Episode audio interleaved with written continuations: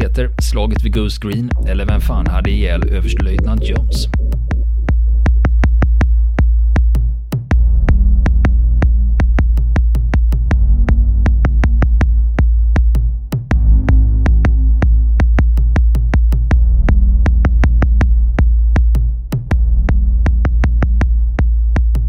Nu fortsätter historien om slaget vid Goose Green under Falklandskriget. När vi kommer in i historien är Tupara beredda att lämna sin position på Sussex Mountain för att ta sig ner till startlinjen för anfallet. Så på kvällen klockan 22 den 27 maj, då börjar de rycka fram från Sussex Mountain och eh, då upprättar man bland annat en, eh, en observationspost där man skulle, hade ganska bra utsikt över slagfältet. Där skulle man kunna styra flottans kanoner och även dirigera in flyganfall. Och de hade med sig granatkastare och de hade luftvärn i form av bluepipe. Mm. Bluepipe är ett enmansvapen som man lägger på axeln och siktar och så skjuter man mot fientligt flyg. Det är deras Som luft... våra gamla Robot 70 ungefär. Ja, och man hade även med sig prickskyttar och eldplatsen ligger lite väster om startlinjen då. Så det är därifrån man ska organisera understödet då. Och sen är det en märklig grej när man läser om det här. Att eh, vad fan är klockan egentligen? För när det gäller tidsangivelserna så är det olika beroende på vem du väljer att läsa. För det finns tre varianter. Dels när du tittar på rapporterna från plats. Här sitter jag med en kopia av regementets egen sammanfattning av slaget. Och det är ju väldigt tacksamt när vi pratar om det där med att man ska gå till källan. Det blir inte mer källa än så här. Det här var vad, vad bataljonen själva skrev efter slaget. Och där finns ju tidsangivelserna, fast de skriver i London-tid. Ja. Zulu time kallas det, GMT, ja. det vill säga London-tid. Det är det man kör, för då blir det ingen förvirring. Då håller man inte på att ställa om klockorna efter lokala tidpunkter eller någonting. Men problemet blir ju då när man tittar på den här och så inser man att då börjar det ljusna vid den här klockan, nej men det här stämmer ju inte.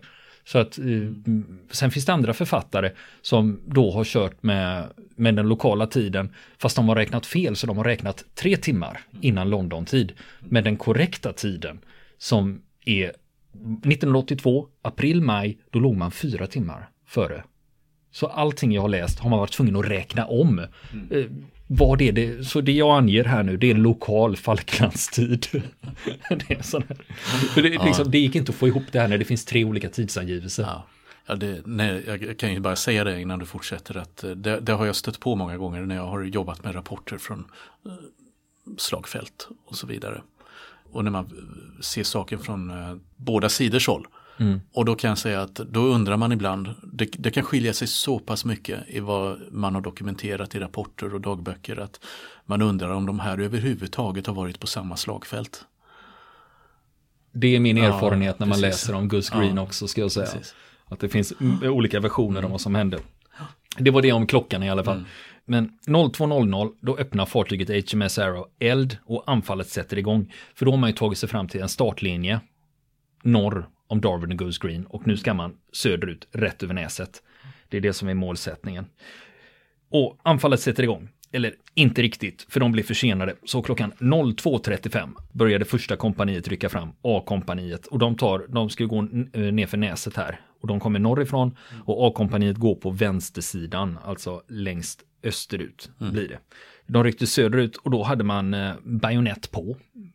Man hade, britterna hade L1A1-karbiner Eh, det här var ändå ett fallskärmsjägarregemente så vissa av dem hade en Sterling k-pist, den är ju lite kortare då. Och det här med bajonetterna, det var en sån här sak som man snackade om i förberedelserna. För först överstelöjtnant Jones tyckte, vad fan, ska vi, vi har ju så mycket grejer, ska vi bry oss om bajonetterna? Och då är det en av de andra officerarna som säger, ja men vad fan, de är asbra att öppna konserverna med, vi tar med mm. dem. Så det var därför man hade bajonetter och då ja. visste man ju inte att de skulle komma till skarp användning. Mm. De hade satt på dem på sina L1 A1 karbiner. Och den här karbinen i sig, den är, det här är en liten intressant grej för att det är en variant av den belgiska Fabrik National. De har en karbin som heter FN FAL. Och så har man gjort en brittisk variant som heter L1 A1. Fast den är inte helautomat, den är bara halvautomat. De kallar mm. den för SLR, Self-Loading Rifle. Och vad sitter argentinerna med för standardkarbin?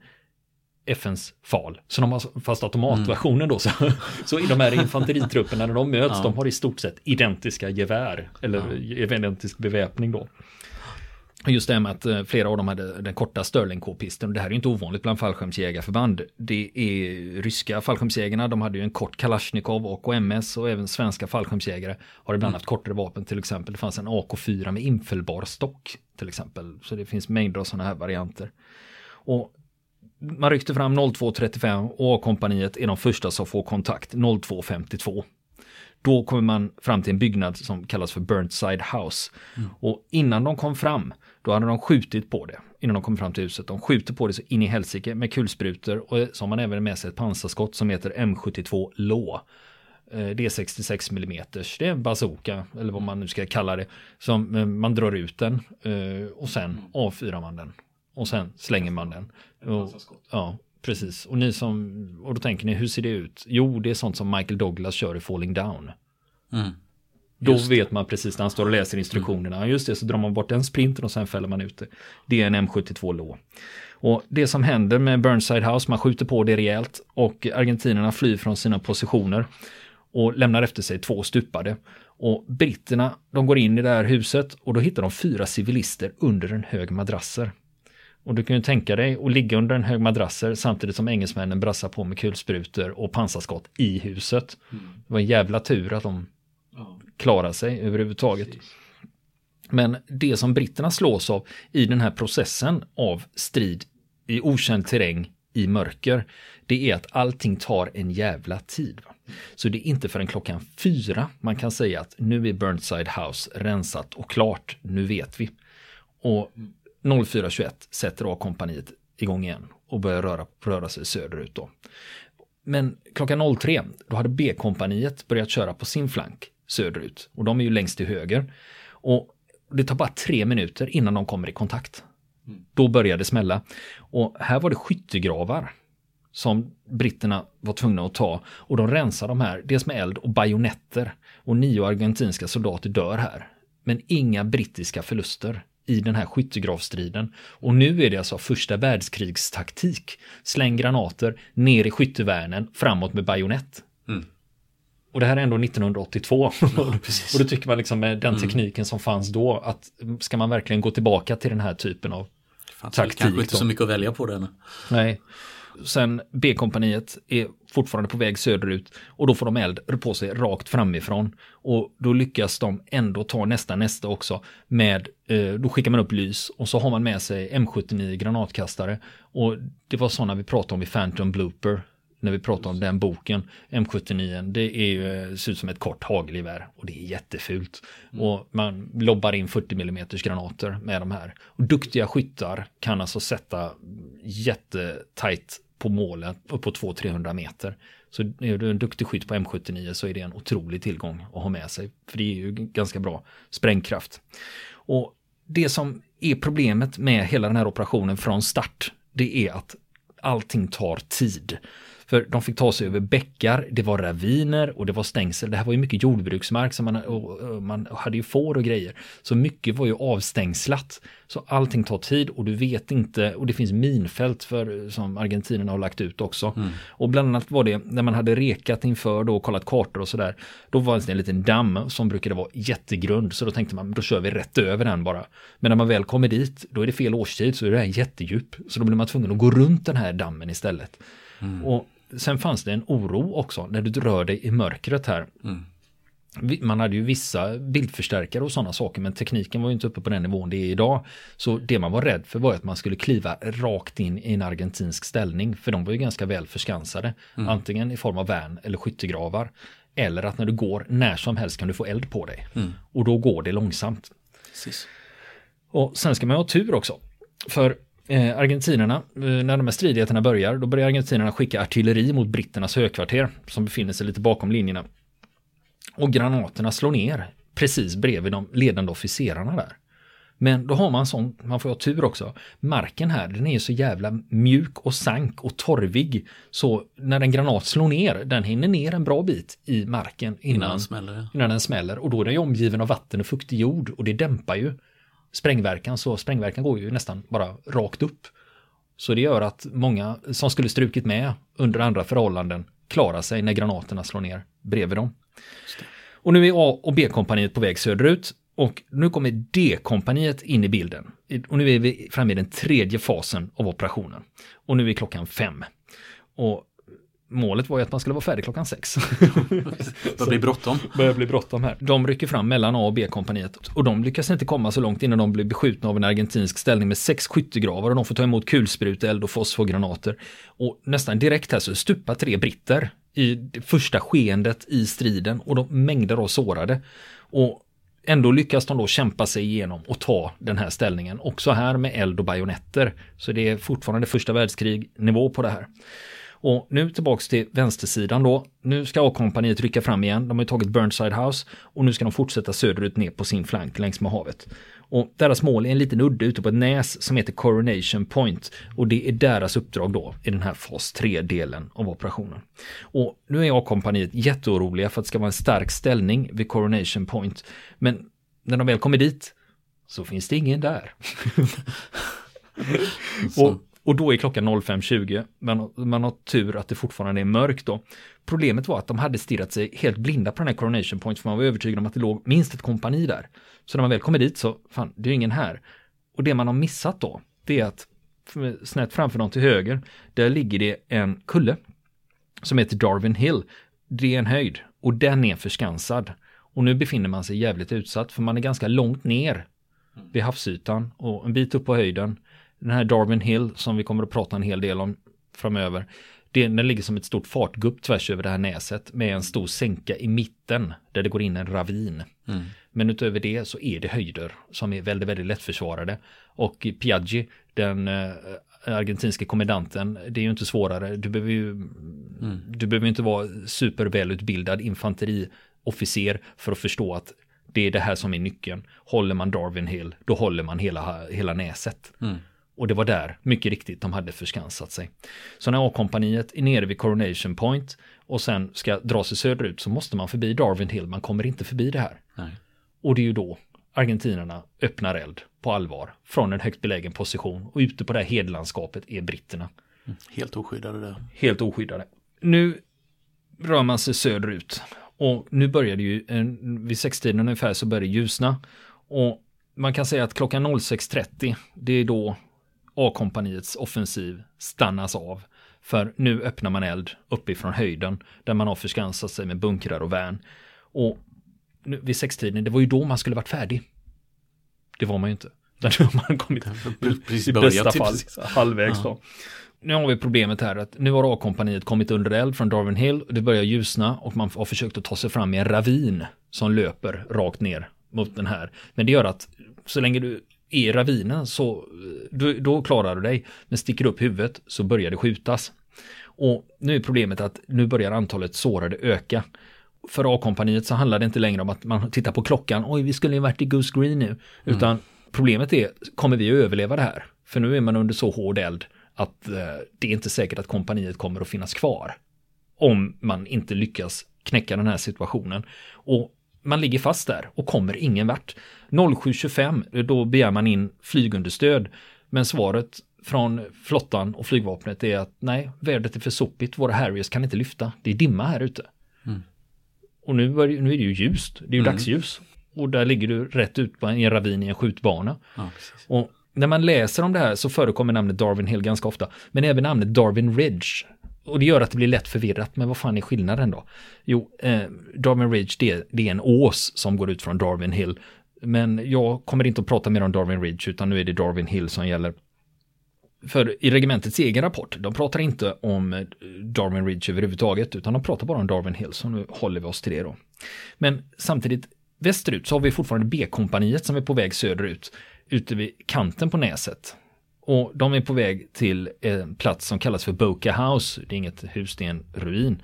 Och det ligger i höjd med Darwin Hill. Och då tänker man att man kanske kan eh, lösa situationen genom att runda där då. Där har argentinarna förskansat sig bra och sätter stopp för B-kompaniet. Och inte bara sätter stopp för det, de blir påskjutna så hårt så de blir till och med tvungna att retirera. Så man inser att där nere precis vid kusten där ute på högersidan, där är det tvärstopp då.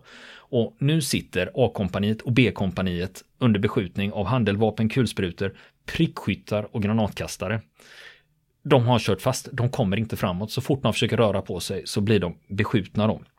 Och B-kompaniets granatkastare, de hade slut på ammunition vid det här tillfället och de hade svårt att få fram nytt. Och Harriers kunde inte lyfta.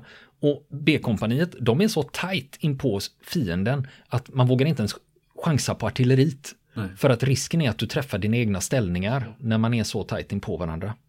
Och då kommer vi till det här med argentinska prickskyttar. Det var ett gigantiskt problem den här morgonen.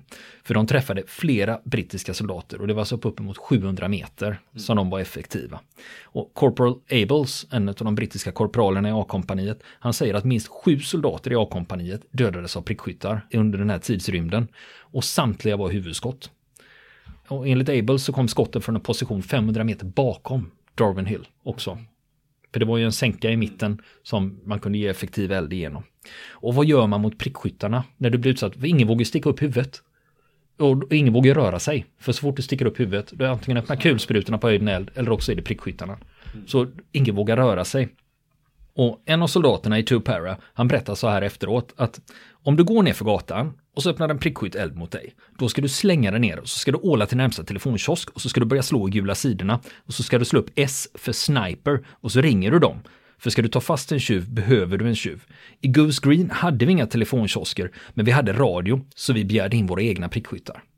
Man lyckades inte komma åt prickskyttarna själv, utan du behövde egna prickskyttar och man hade ett eh, understödskompani med prickskyttar i, som man fick ta fram för att plocka av eh, mm. de argentinska prickskyttarna. Och anfallet söderut står vi ju still här va. Och överstelöjtnant Jones som leder det här slaget, han blir ju frustrerad. Han tittar ju på klockan, tiden bara går, det händer ingenting. Han har två kompanier som har kört fast, då B-kompaniet ute på högerkanten, i mitten har du A-kompaniet och ingenting händer. Mm. Och han försöker få B-kompaniet och säger så här, men kan inte ni komma in, eh, om ni tar er från eran flank och in och stöd, kan ni stödja upp A-kompaniet? B-kompaniets svar är, vi kan inte röra oss, vi är helt fastnaglade vi kan inte sticka upp näsan utan att få den bortskjuten. Så att de ligger kvar.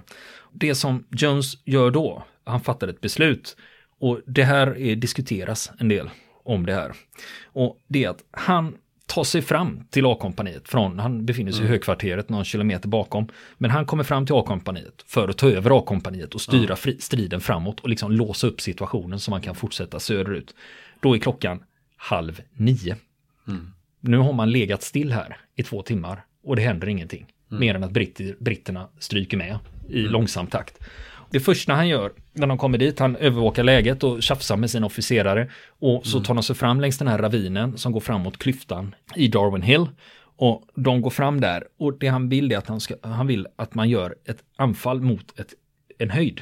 Ett, mm. Där det finns kulsprutevärn det är 15 stycken soldater ur A-kompaniet som ska genomföra det här anfallet och de rusar rakt upp och blir utsatta för en gigantisk mördande kulspruteeld. Tre utav soldaterna stupar direkt, de andra slänger sig ner och håller tillbaka. Och det, det, här är ju typen av Gallipoli-anfall. Va? Ja, precis. Det är liksom, hot, ta kulsprutevärdet. Ja. I want that hill and I want it bad. Liksom. Ja, Så att det är sån här första världskrigsmentalitet.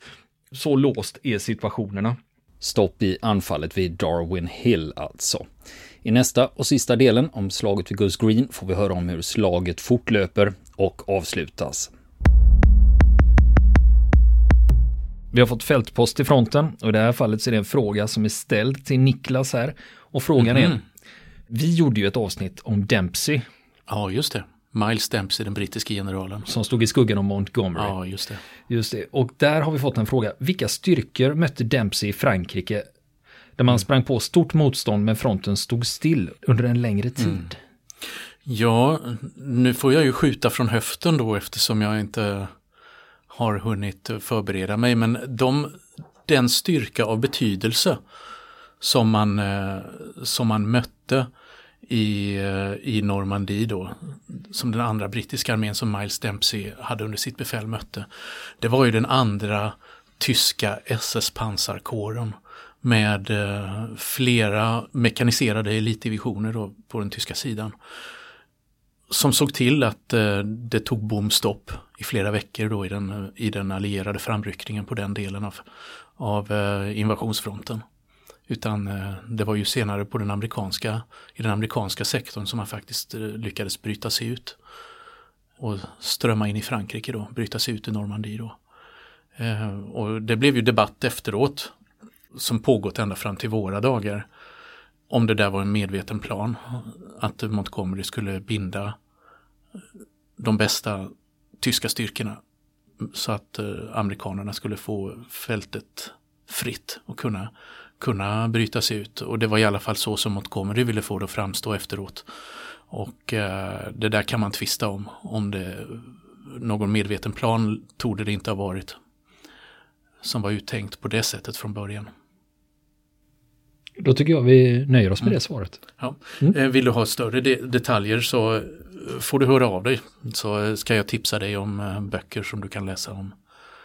Ja, just det. Vill man veta detta så finns det en bok, nu kommer jag inte ihåg författaren på rak arm, men boken heter Still Inferno och behandlar de tyska förbanden på mitt emot andra brittiska armén. Eh, den gavs ut för eh, ungefär 15 år sedan av en eh, brittisk militärhistoriker. Steel Inferno. Steel Inferno. Den handlar om SS-trupperna i, i Normandie som slogs mot britterna. Det blir ett boktips också. Mm. Och nu ska vi prata litteratur och nu har Niklas tagit fram en bok här som är lite större format än vad vi brukar ha här. Den heter Nattens jägare. Mm. Och vad är det det handlar om? Det är en kille från Göteborg som heter Max Timmig som har skrivit en biografi över sin farfar som han aldrig träffade själv då för att han dog innan, innan Max föddes då. Som var eh, hög officer i den tyska nattjakten i Luftwaffe under andra världskriget. Och eh, jag får anmäla direkt att jag är lite jävig eftersom jag känner Max lite grann och, eh, och så. Och eh, vi har pratat om den här boken men jag har aldrig läst, jag har inte fått se något han har skrivit här i förväg utan nu har jag fått boken i handen och uh, hunnit börja läsa i den. Och, är den helt färsk eller? Den är helt färsk. Är, är det, var det till och med så att den släpptes i samband med bokmässan i september 2015? det var ungefär i den vevan. Ja, för det är inte ovanligt att förlag mm. lägger eh, boksläpp Precis. i samband med det. Precis. Eh, och det här är många års eh, forskningsarbete som han har gjort i arkiv och pratat med eh, personer i en rad olika länder, eh, gamla veteraner och så vidare. För att just pussla ihop historien om sin eh, farfar där som heter Wolfgang Timmich och var eh, nattjakts-S. Och eh, som sen hamnade här i Västsverige efter andra världskriget under en period. Och eh, under, en, under en tid eh, efter kriget även var befälhavare för Nigerias flygvapen. Det ser man. Så han hade en väldigt, väldigt eh, brokig eh, karriär kan man säga. Alltså den här berättelsen då, det grundas på hans farfars egna anteckningar och minnen och eh, dokument, rapporter från strider och flygningar.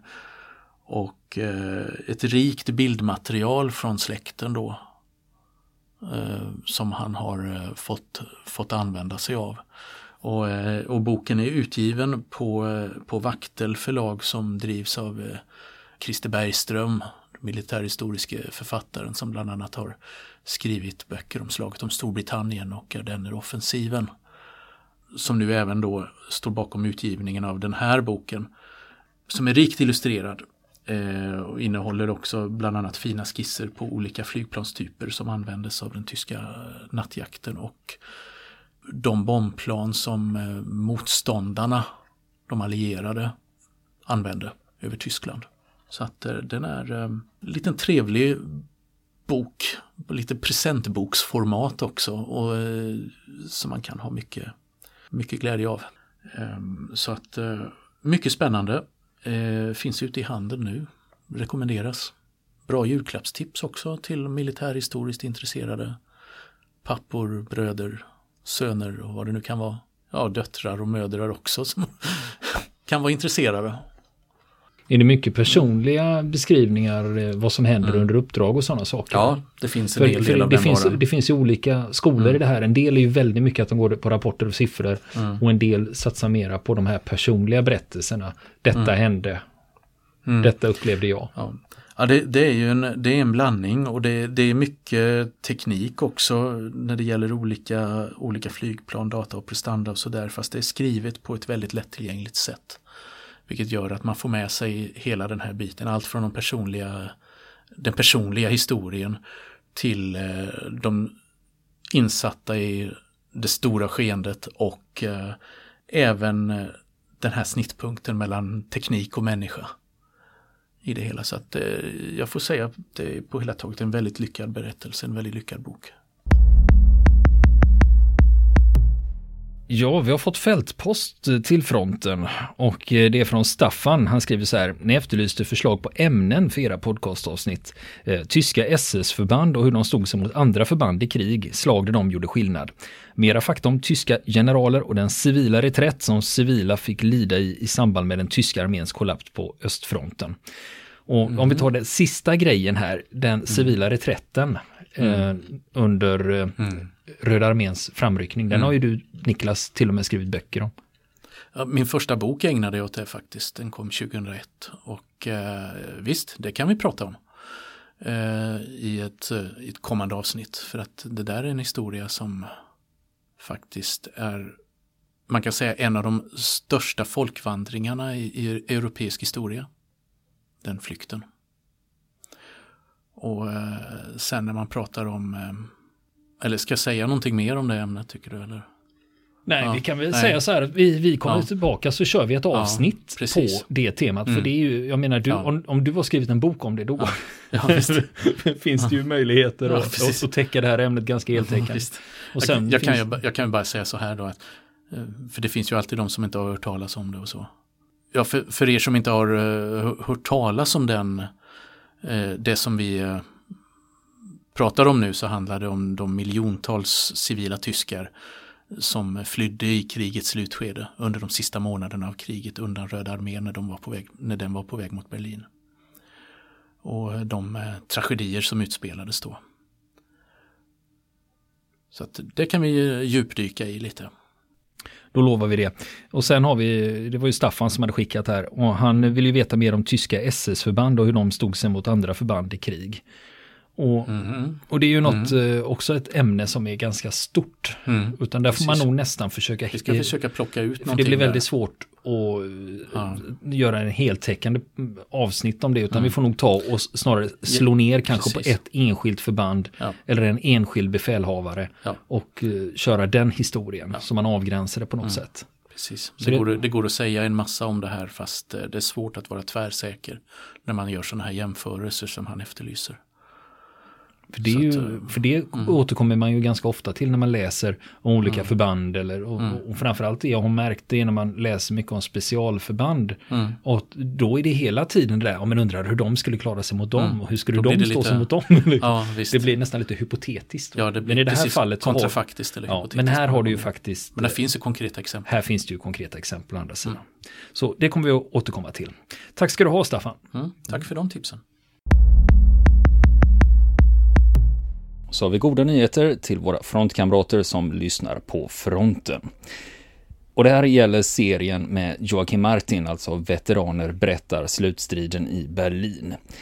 Det var redaktionen på tidningen Militärhistoria som hörde av sig till oss och sa att det är synd om era lyssnare sitter och lyssnar på det här och inte kan följa med i grafiken från deras egen tidning då som Joakim Martin sitter och pekar på under tiden vi intervjuar. Så nu kommer ett exklusivt erbjudande till frontenlyssnarna från tidningen Militärhistoria. Och det går ut på att ni kan mejla dem och så får ni en pdf med grafiken och artikeln över luftvärnstornen i Berlin som de publicerade i somras 2015. För att få tag på den här grafiken så skriver ni mejladressen RED, alltså RED, snabela militarhistoria.se och i ämnesraden kan ni skriva att ni önskar den här pdfen om luftvärnstornen så mejlar de den till er. Jätteschysst, eller hur? Och inte nog med det, redaktionen på militärhistoria har varit så schyssta så de har skickat över en bunt med just det numret som handlar om luftvärnstornen i Berlin till oss. För att vi ska kunna lotta ut ibland våra lyssnare. Och är ni intresserade av att få ett exemplar av den här tidningen, då mejlar ni till oss och det gör ni på frontenpodcast.gmail.com. Då räcker det att ni skriver utlottning i ämnesraden och sen vill vi gärna ha med namn och adress så vi kan skicka tidningen ifall ni vinner. Vi har inte sagt någon riktig tidsgräns på det här för att det inte ska stressa ihjäl er, men en bit in i januari kanske det är okej okay att börja titta på det här i alla fall. Och vi från fronten vill rikta ett särskilt tack till redaktionen på Militärhistoria för att de lyssnar på oss. Tack ska ni ha! Vill ni komma i kontakt med oss så kan ni göra det via vår Facebook-sida som heter Fronten. Det är inga problem för er att leta er fram där. Eller också så mejlar ni på vår mejladress och det är frontenpodcast.gmail.com.